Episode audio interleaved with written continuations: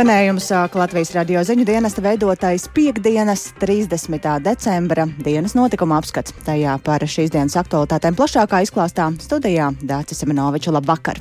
Un vispirms par dažiem tematiem. Ukrainas spēki varētu ieiet Krievijā, ja to vajadzēs Ukrainas aizsardzībai, tā norāda drošības padomas sekretārs. ASV kongresa budžeta komiteja publisko Trumpa nodokļu deklarācijas. Bija ļoti daudz jautājumu un spekulāciju par viņa iespējamām saiknēm ar ārvalstu varām. Tāpēc šīs deklarācijas var dot ieskatu tajā, vai viņš saņēma naudu no ārpuses, cik daudz un kurš maksāja.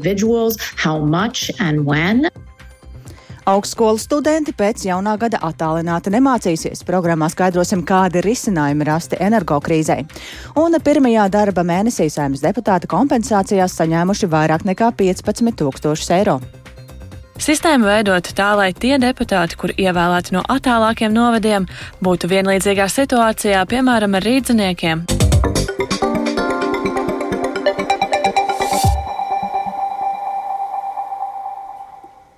Ukrainas bruņotie spēki var ieiet Krievijas teritorijā, ja tas būs nepieciešams Ukrainas aizsardzībai. Ar šādu paziņojumu klajā nācis Ukrainas Nacionālās drošības un aizsardzības komitejas sekretārs Oleksijas Daņilovs. Pēc viņa vārdiem Ukraiņu karavīriem nevienam atļauju šādām darbībām nav jāprasa, vairāk stāsta Ūģis Lībietis. Iepriekš Ukrainas vadība nereiz vien ir apstiprinājusi, ka tā ir apsolījusi neizmantot ārvalstu, īpaši ASV piegādātos ieročus, lai veiktu uzbrukumus pa mērķiem Krievijas teritorijā. Tas gan neatiecas uz okupēto Krimu, kas starptautiski joprojām ir atzīta kā Ukrainas teritorija. Kā paskaidrojas Oleksijas Danīlovs, ja Ukraiņu karavīriem savas valsts aizstāvēšanai būs nepieciešams ieiet Krievijas teritorijā, viņi to darīs un nevienam atļauju neprasīs. Danīlovs arī nosaucas par muļķībām visus apgalvojumus par to, ka nevajag pretinieku kaitināt apcietināti. Vienlaikus drošības padomas sekretārs uzskata, ka Baltkrievija faktiski jau ir okupēta un Krievijas spēki tur uzvedas kā savās mājās. Vienlaikus paužot pārliecību, ka Baltkrievi ar Ukraiņiem karot nevēlas. Ukrainas pretgaisa aizsardzība darbību varētu vērtēt kā ļoti labu, taču jāturpina to stiprināt. Tā Latvijas radio vērtē Nacionālo bruņoto spēku pārstāvis Majors Jānis Laidiņš. Pat labāk lielākās kaujas notiek pie Bahmutas, kas abām pusēm kļuvusi par simbolu. Laidiņš teica, ka Krievija turpinās koncentrēt savus spēkus šajā virzienā. Bahmuts ir jau kļuvusi par simbolu gan uh, Ukrainas bruņotiem spēkiem, gan arī Krievijas bruņotiem spēkiem. Varam redzēt, ka Krievija savu karavešanas stilu nemaina tāda Krievu vadība, jā. Tik līdz tiem parādās jauni spēki, tie uzreiz tiek mesti kaujā. Nemēģina kaut ko sakoncentrēt, nemēģina domāt, jā, me, nemēģina atrast vājo vietu Ukrainas aizsardzībā, jā. Izskatās, ka viņš uz priekšu dzen politiskā griba, kurie tie nav spējīgi pretoties. Jo Putinam šī Bahmuta ir kļuvusi par tādu simbolu, virs kuras vajag pacelt uh, sarkano karogu un paziņot pa uzvaru, kas būs līdzvērtīgi šobrīd viņam tā kā Berlīnas ieņemšana. Jā. Un redzam, ka Bahmuta ir un paliks tuvākā laikā tas galvenais uh, smagumpunkts. Tas, ka Krievi pašlaik varbūt nedaudz mazinājuši spiedienu, viņiem notiek pārgrupēšanās. Tātad uz Bahmutas sektoru tiek pārmest tās vienības, kas bija Ņepras labajā krastā, kuras atkāpās uz kreiso, un tās tiek vērtētas kā kaujas spējīgas, jā, tātad tur ir arī gaisa desanta vienības, un tuvākā laikā visticamāk Krievi metīs viņas uzbrukumā Bahmutā. Kāpēc Krieviem Bahmut ir svarīgi tik ļoti? Nu, tas ir vienkārši simbols, jo šobrīd tā ir pati uh, svarīgākā kauja vieta. Ziemeļa austrumos viņi ir kaut cik stabilizējuši frontes Svatovu Kremina sektorā. Jā, tātad tur Ukraiņu uzbrukums ir uh, nerit uz priekšu vairāk tik raiti, kā tas bija, jo, protams, ir to visu iespēdo meteoroloģiski apstākļi un zeme tur nav sasalus, līdz ar to nevar pielietot smago kaujas tehniku, tātad ierobežots manevrs, un Bahmuta ir pāri atslēga, lai tālāk iziet no operatīvajās pašumos virzienā uz Slavjansku un Kramatorsku. Ar slaidiņu sarunājās Lauris Zvejnieks. Un, lai gan rietuma noteiktās sankcijas pret Krievijas oligārhiem ir mazinājušas viņu bagātību, ietekmējot arī dzīvesveidu un investīciju iespējas, Krievijas miljardieri joprojām ir neticami bagāti. Tā norāda aģentūra Bloomberg, skaidrojot, ka Krievu miljardieru bagātība šajā gadā ir saņēmusi triecienu, taču tikai daži no oligarhiem ir cietuši tik daudz kā bijušais futbola kluba Chelsea īpašnieks Romāns Abramovičs, kurš bija izkliedējis savu milzīgo bagātību riska ieguldījumu fondos, privātajā kapitālā un Londonas īpašumos. Turpina Rihards Plūme. Bloomberg vēsta, ka 56 gadus vecā Abramoviča bagātība šogad samazinājās par aptuveni 57% līdz 7,8 miljardiem ASV dolāru. Zaudējumu apmēra ziņā viņš ir pirmajā vietā starp Krievijas oligarhiem. Aiz viņa seko Genādijs Timčenko, kura bagātība šogad samazinājās par 48%, un Sulēmana Kerimova ģimene, kuras bagātības kritās par 41%. Bloomberg gan norāda, ka dažu oligarhu zaudējumi ir mazāki par tiem, ko šogad cieta piemēram Ilons Masks vai Marks Zukerbergs. Tikmēr Krievijas bagātākais cilvēks Vladimirs Potaņins šogad pat paplašinājis savu biznesa impēriju. Un uh, programmā vēl par kādu ārzemju aktualitāti ASV kongresa pārstāvu palātas budžeta komiteja šodien ir publiskojusi bijušā prezidenta Donalda Trumpa pēdējo sešu gadu nodokļu deklarācijas. Sagaidāms, ka šie dokumenti sniegs sabiedrībai informāciju par to, vai Trumps savas prezidentūras laikā ir pietiekamā apmērā nomaksājis nodokļus vai ieguvis kādus līdzekļus no ārvalstīm. Plašāk par to stāsta Uģis Lībietis. Bijušā ASV prezidenta Donalda Trumpa nodokļu deklarāciju publiskošana ir bijusi dažādu politisko kaislību uzmanības centrā jau gadiem ilgi. Trumps ir pirmais ASV prezidents, kurš šādas deklarācijas neiesniedza brīvprātīgi, tāpēc pieprasījumu tās iesniegt un pēc tam arī publiskot izvirzīja ASV kongresa pārstāvu palātas kontrolētā budžeta komiteja. Vēlāk par šo dokumentu publiskošanu savu atzinumu sniedz arī ASV augstākā tiesa. Beidzot, šie ilgi gaidītie dokumenti nonāks arī atklātībā, un, protams, arī rediģētā veidā. Trumpa juristi neatlaidīgi apgalvoja, ka kongress nekad nav izmantojis savas likumdevēja pilnvaras, lai piespiestu kādu prezidentu publiskot viņa nodokļu atskaites, jo šādam lēmumam būtu tālajošas sekas. Arī šodien izplatītā video Trumps norādījis, ka kongresa komitejas rīcība ir kliedzoša varas ļaunprātīga izmantošana un pilnīgi nekonstitucionāla rīcība. Pēc Trumpa vārdiem šīs ir kārtējās politiskās raganu medības. Arī citi vadošie republikāņi ir izteikušies, ka nodokļu deklarāciju publiskošana radīs bīstamu politisku instrumentu, kas faktiski likvidēs amerikāņu privātumu politiku, kas ir bijusi spēkā kopš Watergate reformas. Taču, kā uzskata demokrāti, sabiedrība ir pelnījusi uzzināt patiesību. Arī raidsabiedrības CBS komentētāja Rebeka Roifa ir pārliecināta, ka nodokļu deklarāciju publiskošana varētu palīdzēt kliedēt vairākas sabiedrībā valdošās sazvērestību teorijas. Former... Viena no lietām, ko mēs jau zinām, ir, ka bijušais prezidents 2018. un 2019. gadā ir deklarējis zināmu apjomu ienākumu, par ko kuriem viņš ir samaksājis aptuveni miljonu dolāru nodokļos. Taču jau 2020. gadā viņš ir ziņojis par pamatīgiem zaudējumiem, kas viņam nodokļus maksāt neliek. Tieši tā viņš rīkojās pirms stāšanās prezidenta amatā. Manuprāt, cilvēki vēlas noskaidrot, kas tad šajā gadā notika, kādi bija viņa ienākumi un kur tie pazuda. Otrkārt, cilvēki vēlas zināt, kādi bija ienākumu avoti viņa prezidentūras laikā. Bija ļoti daudz jautājumu un spekulāciju par viņa iespējamām saiknēm ar ārvalstu lietām.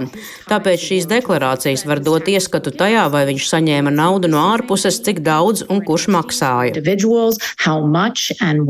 Komentētāji arī norāda, ka šīs nodokļu deklarācijas nesniegs priekšstatu par to, cik bagāts tieši ir Donalds Trumps un viņa kundze Melānija, taču lielāka skaidrība par dažādiem darījumiem un to peļņu vai kontiem ārvalstu bankās un citās valstīs nomaksātiem nodokļiem tiks gūta. Noslēgumā man jāpiebilst, ka dokumentu publiskošana notiek vien dažas dienas pirms tam, kad kontroli pār kongresa pārstāvu palātu atkal atgūs Republikāņu partija. Tas varētu liecināt, ka Trumpa finanšu izmeklēšana tuvākajā laikā varētu tikt pārtraukta. No otras puses, ir iespējams, ka šādas izmeklēšanas varētu turpināt demokrātu kontrolētais ASV Senāts. Uģis Lībijams, Latvijas Radio.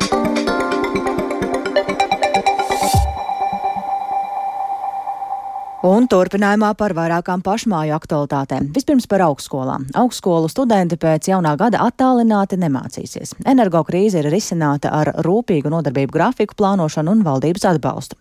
Te jāatgādina, ka tuvojoties apkuras sezonai, kas šogad iezīmējas ar krasu energotarifu kāpumu, Latvijas augstskolu vadību situāciju vērtēja skarbi, sakot, ka briestošie rēķini var nozīmēt ne tikai dramatiskus taupības pasākumus, bet nespējot apkurināt telpas arī attālinātās mācības mācības, kā tas bija divās pandēmijas ziemās.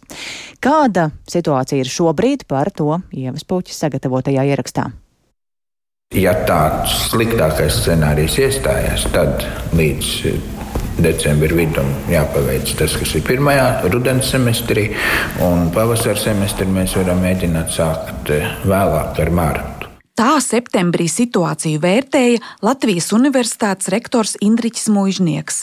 Prognozes nav piepildījušās. Pēc ziemas brīvdienām studenti kārtos eksāmenus klātienē, un arī studijas otrajā semestrī vismaz pusi laika notiks klātienē.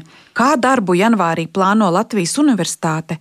Kuras adrešu sarakstā ir 58 lokācijas, bet studenti iepriekš mācījās 12 ēkās, stāsta prorektors Valdis Segliņš. Operācijas siltās mājas, kur temperatūra ir 19. Tās mājas ir noteikti pēc grafika, ja tad visi studijas turpina tajā mājā, kas ir apsildīta. Mums ir trīs tādas siltās mājas, divas Jelgavas ielā, ar 2. janvāru mums būs vecas māja, un trešā rezerves un tāpat tā siltā māja. Mums ir Aspazīs bulvārs 5, kur ir ekonomikas vadības un biznesa fakultāte vēl rezervē atsevišķā ir um, Raina 19 lielā aula, kurai visu laiku jāuztur mums 19 grādi, jo tur ir kultūras piemineklis, tur ir ēdielas. Tā telpa arī tiek izmantot studijām, jo mums kārto pār pa 1600 eksāmenus. Augstskolu energokrīze šoziem risināta ne tikai ar rūpīgu nodarbību grafiku plānošanu, bet arī ar valdības atbalstu. Jau 6. decembrī tā deva zaļo gaismu Izglītības un zinātnes ministrijas priekšlikumam kompensēt pusi no energoresursu cenu pieauguma valsts dibinātajās augstskolās, zinātniskajos institūtos un sporta un izglītības valsts kapitāla sabiedrībās. Šim mērķim atvēlēti vairāk nekā 3 miljoni eiro no budžeta līdzekļiem neparedzētiem gadījumiem. Proporcionāli lielākais atbalsts pienāks augstskolām, kurās ir jaudīgas laboratorijas, roboti un skaitļošanas centri, ko nevar atslēgt no elektrības. Saraksta augšgalā Latvijas Universitāte, kam piešķirti nepilni 600 tūkstoši eiro, kā arī Latvijas Biozinātņu un Tehnoloģiju Universitāte ar nepilniem 700 tūkstošiem eiro. Bet visvairāk nepilns miljons eiro piešķirts Rīgas Tehniskajai universitātei ar tās aģentūru Olainas Tehnoloģiju koledžu. Piemēram, Latvijas Mākslas akadēmijai kompensācija par pusi no energosadārdzinājuma ir nepilni 64,000 eiro, Vidzemes augstskolai nepilni 16,000, bet Liepājas universitātei 10,000 eiro. Rīgas Tehniskās Universitātes administratīvā departamenta direktors Juris Iļņins apstiprina, paralēli lūgumam sniegt palīdzīgu roku no valsts budžeta, arī šajā augstskolā izveidots dalījums augstajās mājās, kurās temperatūra uztur tikai līdz 16 grādiem, un siltajās mājās, kurās lekcijas un nodarbības var notikt klātienē. Lekcijas plānotas gan klātienē, gan attālināti, bet eksāmenu sesija janvārī un praktiskās nodarbības tikai klātienē. Pateicoties uh, valsts atbalstam, universitātes saņems uh, kompensāciju, kas ļauj arī, protams, nodrošināt šo apmācību modeli līdz marta sākumam. Šis atbalsts viennozīmīgi palīdzēs universitātei pārvarēt šo grūto laiku. Salīdzinoši mazajā Liepājas universitātē, kur mācības pat labam koncentrētas divās celtnēs, pārtraukt klātienes studijas nav ienācis prātā nevienu brīdi, turklāt tā šoziem kļuvusi par īstu taupības čempioni. Attīstības direktors Uldis Zupa uzsver, lai arī novembris bija augstāks nekā pagājušo gadu, augstskola pamanījās siltumenerģiju izlietot pat mazāk, un arī decembrī izskatās būs ietaupījums. Mēs arī šo apkursu pieslēgšanu ļoti novilkām. Nu, šie apstākļi bija uz robežas, teiksim, tā, lai būtu patīkami strādāt. Tas nebija tas labākais, ko darīt. Lielajām energoietilpīgajām augstskolām, diemžēl, pat drastiski ekonomijas pasākumi to sadārdzinājumu daļu, ar ko jātiek galā pašiem, sedz tikai daļēji. Šo augstskolu vadība jau tagad secina, ka ar šīs ziemas mīnusiem nāksies cīnīties vēl vairāku gadu garumā. Ieva Puķe, Latvijas radio.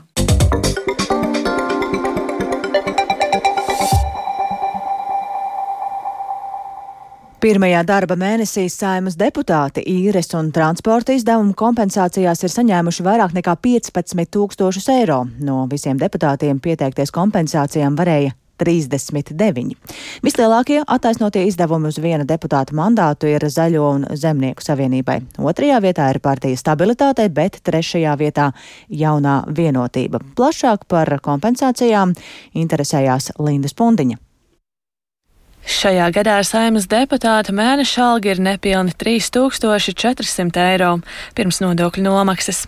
Taču parlamentāriešiem no valsts budžeta kompensē arī izdevumus, kas radušies realizējot savas deputātu pilnvaras. Viņi var pieteikties saņemt īres un transporta izdevumu kompensāciju. Sistēmu veidot tā, lai tie deputāti, kur ievēlēti no attālākiem novadiem, būtu vienlīdzīgā situācijā, piemēram, ar rīdziniekiem, norādīts saimnes mājaslapā. Maksimāli pieļaujamo kompensācijas apmēru nosaka atkarībā no deputāta dzīves vietas. Parlamentārieši ir iesnieguši visus čekus un apliecinājumus par pirmo darba mēnesi, tāpēc aprēķinātas viņiem piešķirtās kompensācijas. Izmaksas par novembri kopumā ir vairāk nekā 15 600 eiro. 39 parlamentārieši varēja pretendēt uz kompensācijām. Jaunās vienotības deputāti Mārtiņš Fels un Zanis Kuņa Rubene kompensācijām nepieteicās.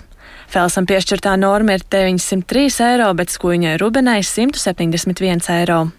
Trīs deputāti pilnā apmērā izmantojuši piešķirto kompensāciju normas.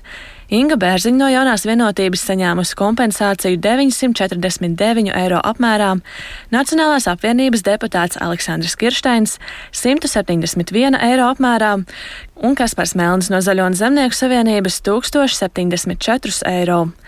No visiem deputātiem tieši Melnis novembrī saņēmis vislielākās kompensācijas. Otrajā vietā ir viņa partijas biedra Līga Kozlauska. Viņai kompensēti izdevumi 1004 eiro apmērā. Pārējo deputātu kompensācijas nepārsniedz 1000 eiro.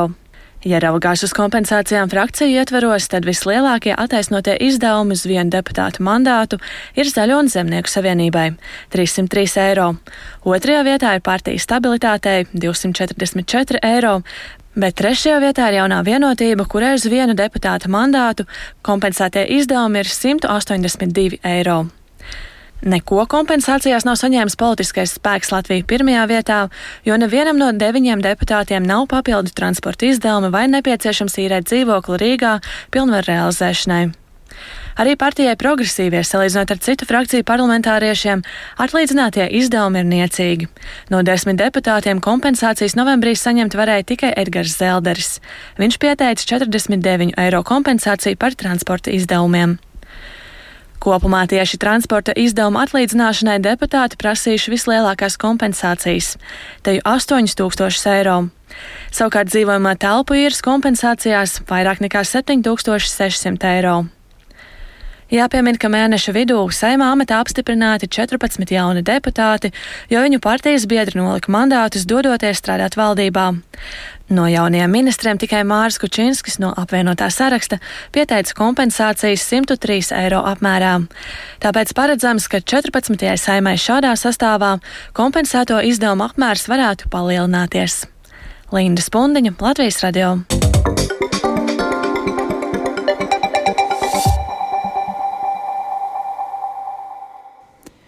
Jēkabpils novada pašvaldība ir sākusi pārskatīt īres līgumus, ar kuriem tos pagarināt, ar kuriem nē. Daļa jau saņēmusi paziņojumi, ka pēc pusgada īres līgums netiks pagarināts. Iedzīvotāji ir neizpratnē, bet pašvaldībā skaidro, ka to nosaka jaunie domas saistošie noteikumi.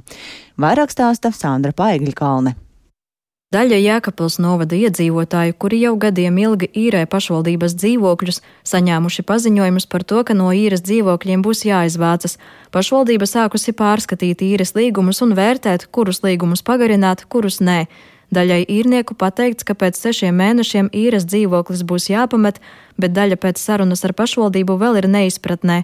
Arī Jākapilietēs armītei ir bažas par nākotni. Divistabu dzīvoklī dzīvojam no 1999. gada. Man ir pirmās grupas invalīds puika, mums ir trūcīgo status. Nedēļu atpakaļ saņēmu informāciju, zvanu no pašvaldības, ka man ir uh, jāiet, jāpārslēdz īres līgums. Uz cik ilgu laiku noslēgs īres līgumu, to viņa man nevarēja pateikt. Vai vispār mums atļaus dzīvot šajā dzīvoklī, arī nevarēja pateikt, bet par katru cenu centās iestāstīt to, ka uh, mums šis dzīvoklis ir jāizpērk. Es arī paskaidroju, ka mums nav tādu līdzekļu, par ko šo dzīvokli izpirkt. Pagaidām mēs gaidām atbildi. Tas rada ļoti lielu satraukumu tādu. Īrnieki ir neizpratnē, kādēļ nevar īres līgumus pagarināt, sevišķi tādēļ, ka daudzi ir godprātīgi maksājuši īres maksu un komunālo pakalpojumu rēķinus. Jākapils Nauda pašvaldībā skaidro, ka ir mainījusies likumdošana valstī, tādēļ tiek pārskatīti īres līgumi. Daļai īrnieku pusgada laikā būs jāpamet dzīvokļi, jo viņiem esot zudis tiesiskais pamats īrēt dzīvokli. Piemēram, ja dzīvoklis savulaik iedots kā palīdzība daudz bērnu ģimenei, un tagad bērni jau sen pilngadīgi. Stāstīja Jākapils Nauda domas attīstības un tautsēmniecības komitejas priekšsēdētājs Ainars Vasilis jāsaprot tā, tā palīdzības jautājums, vai šajā gadījumā arī jebkāda palīdzība no dzīvokļu jautājuma risināšanā, viņa ir tātad tā, laicīgs jautājums. Es tev iedodu. Bet tas, ka tev ir jārisina tas jautājums, šobrīd tāpat nu, tā likumdošana ir pateikusi, tev ir jārisina tas jautājums. Tā kā jebkura palīdzība, viņa vienu brīdi sākās, vienu brīdi beidzās. Ar te mēs runājam par to, ka šai palīdzībai ir bezgalības raksturs. Jākapils novada domas priekšsēdētāja vietnieks veselības un sociālo pakalpojumu jautājumos Aivars Vanaks uzsver, ka pašvaldība kā dzīvokļu īpašniece var lemt par īrnieku izlikšanu no dzīvokļa. Ja es īrēju dzīvokli no privātā, es apzinos, ka tas dzīvoklis nav mans. Es domāju, kā tālāk rīkoties, vai iegādāties īpašumu pašam, vai turpināt īri. Un zinu, ka vienā dienā izīrētājs var pateikt, vācies es vairāk tev neizīrēšu. Nu, apmēram līdzīgi ir arī pašvaldība. Pašvaldība ir iedevusi dzīvokli, palīdzējusi tev, bet tu esi paņēmis un apzinājies, ka tas dzīvoklis nepieder tev. Ekonomikas ministrijā gan skaidro, ka iespējams pašvaldība ir nelīdz galam izpratusi izmaiņas likumdošanā. Jaunie regulējumi neatiecas uz dzīvokļiem, kas izīrēti kā palīdzības sniegšana dzīvokļu jautājumu risināšanā skaidro ministrijas mājokļu politikas departamenta direktors Mārtiņš Auders. Likums neparedz nekādus pārējais noteikumus, ko darīt ar uh, jau noslēgtajiem uh, līgumiem, kas ir noslēgti saskaņā ar likumu par palīdzību dzīvokļu jautājumu risināšanā. Līdz ar to pašvaldība nevar prasīt pārskatīt uh, iepriekš noslēgtos līgumus, kas ir noslēgti saskaņā ar šo likumu respektīvi visi, kas ir saņēmuši palīdzību. Likuma pamatiesas ir vērsts tikai uz priekšu uz jaunām tiesiskām attiecībām, kas tiks nodibinātas no nākotnē. Ministrijā norāda, ka pašvaldībai nesot obligāts pienākums pārskatīt arī tos īres līgumus, kuri noslēgti par dzīvokļiem, kas nav piešķirti kā palīdzība dzīvokļu jautājumu risināšanā, bet pašvaldībai esot tiesības to darīt, skaidro Mārtiņš Auders. Pašvaldībai principā ir divas iespējas, ko darīt ar tādu neprivatizēto fondu. Viņi var pirmkārt vien paaugstināt īres maksu, un otrs teiks, ko acīm redzot, viņi ir izvēlējušies, viņi ir izvēlējušies eh, noteikt uh, īsu termiņu un pēc tam attiecīgi apcelināt šos dzīvokļus. Var pieņemt, ka tie dzīvokļi visticamāk, uh, nu, nu, tā īsa maksa ir par maz un viņi nav rentabli uzturami. Pašvaldībā skaidro, ka dzīvokļu esot par daudz, tādēļ ir nolemts daļu dzīvokļu atsevināt. Īrniekiem tiek dots laiks seši mēneši, kā arī tiek piedāvāt dzīvokli iegādāties. Lai gan vietvarā norāda, ka īrniekiem, kuri šajos dzīvokļos dzīvo nesot pirmpirkuma tiesību, Mārtiņš Auders tam nepiekrīt. Tas gan neatbilst taisnībai, jo publiskas personas māmas atsvināšanas likums nosaka, ka vispirms ir piedāvājums īrniekam dzīvoklis. Savukārt tie pašvaldības dzīvokļi, kuri piešķirti kā palīdzība dzīvokļu jautājumu risināšanā, vispār nedrīkst tikt atsavināti. Var secināt, ka pašvaldībai ir tiesības pārskatīt un nolemt izbeigt īres līgumus tikai par tiem dzīvokļiem, kas neatbilst normatīvajiem aktiem par palīdzību dzīvokļu jautājumu risināšanā. Ja tiek nolemts dzīvokli atsavināt, Vispirms tas jāpiedāvā īrniekam, skaidro ekonomikas ministrijā. Sandra Pēgiļkalne, speciāli Latvijas radio Latgales studijai.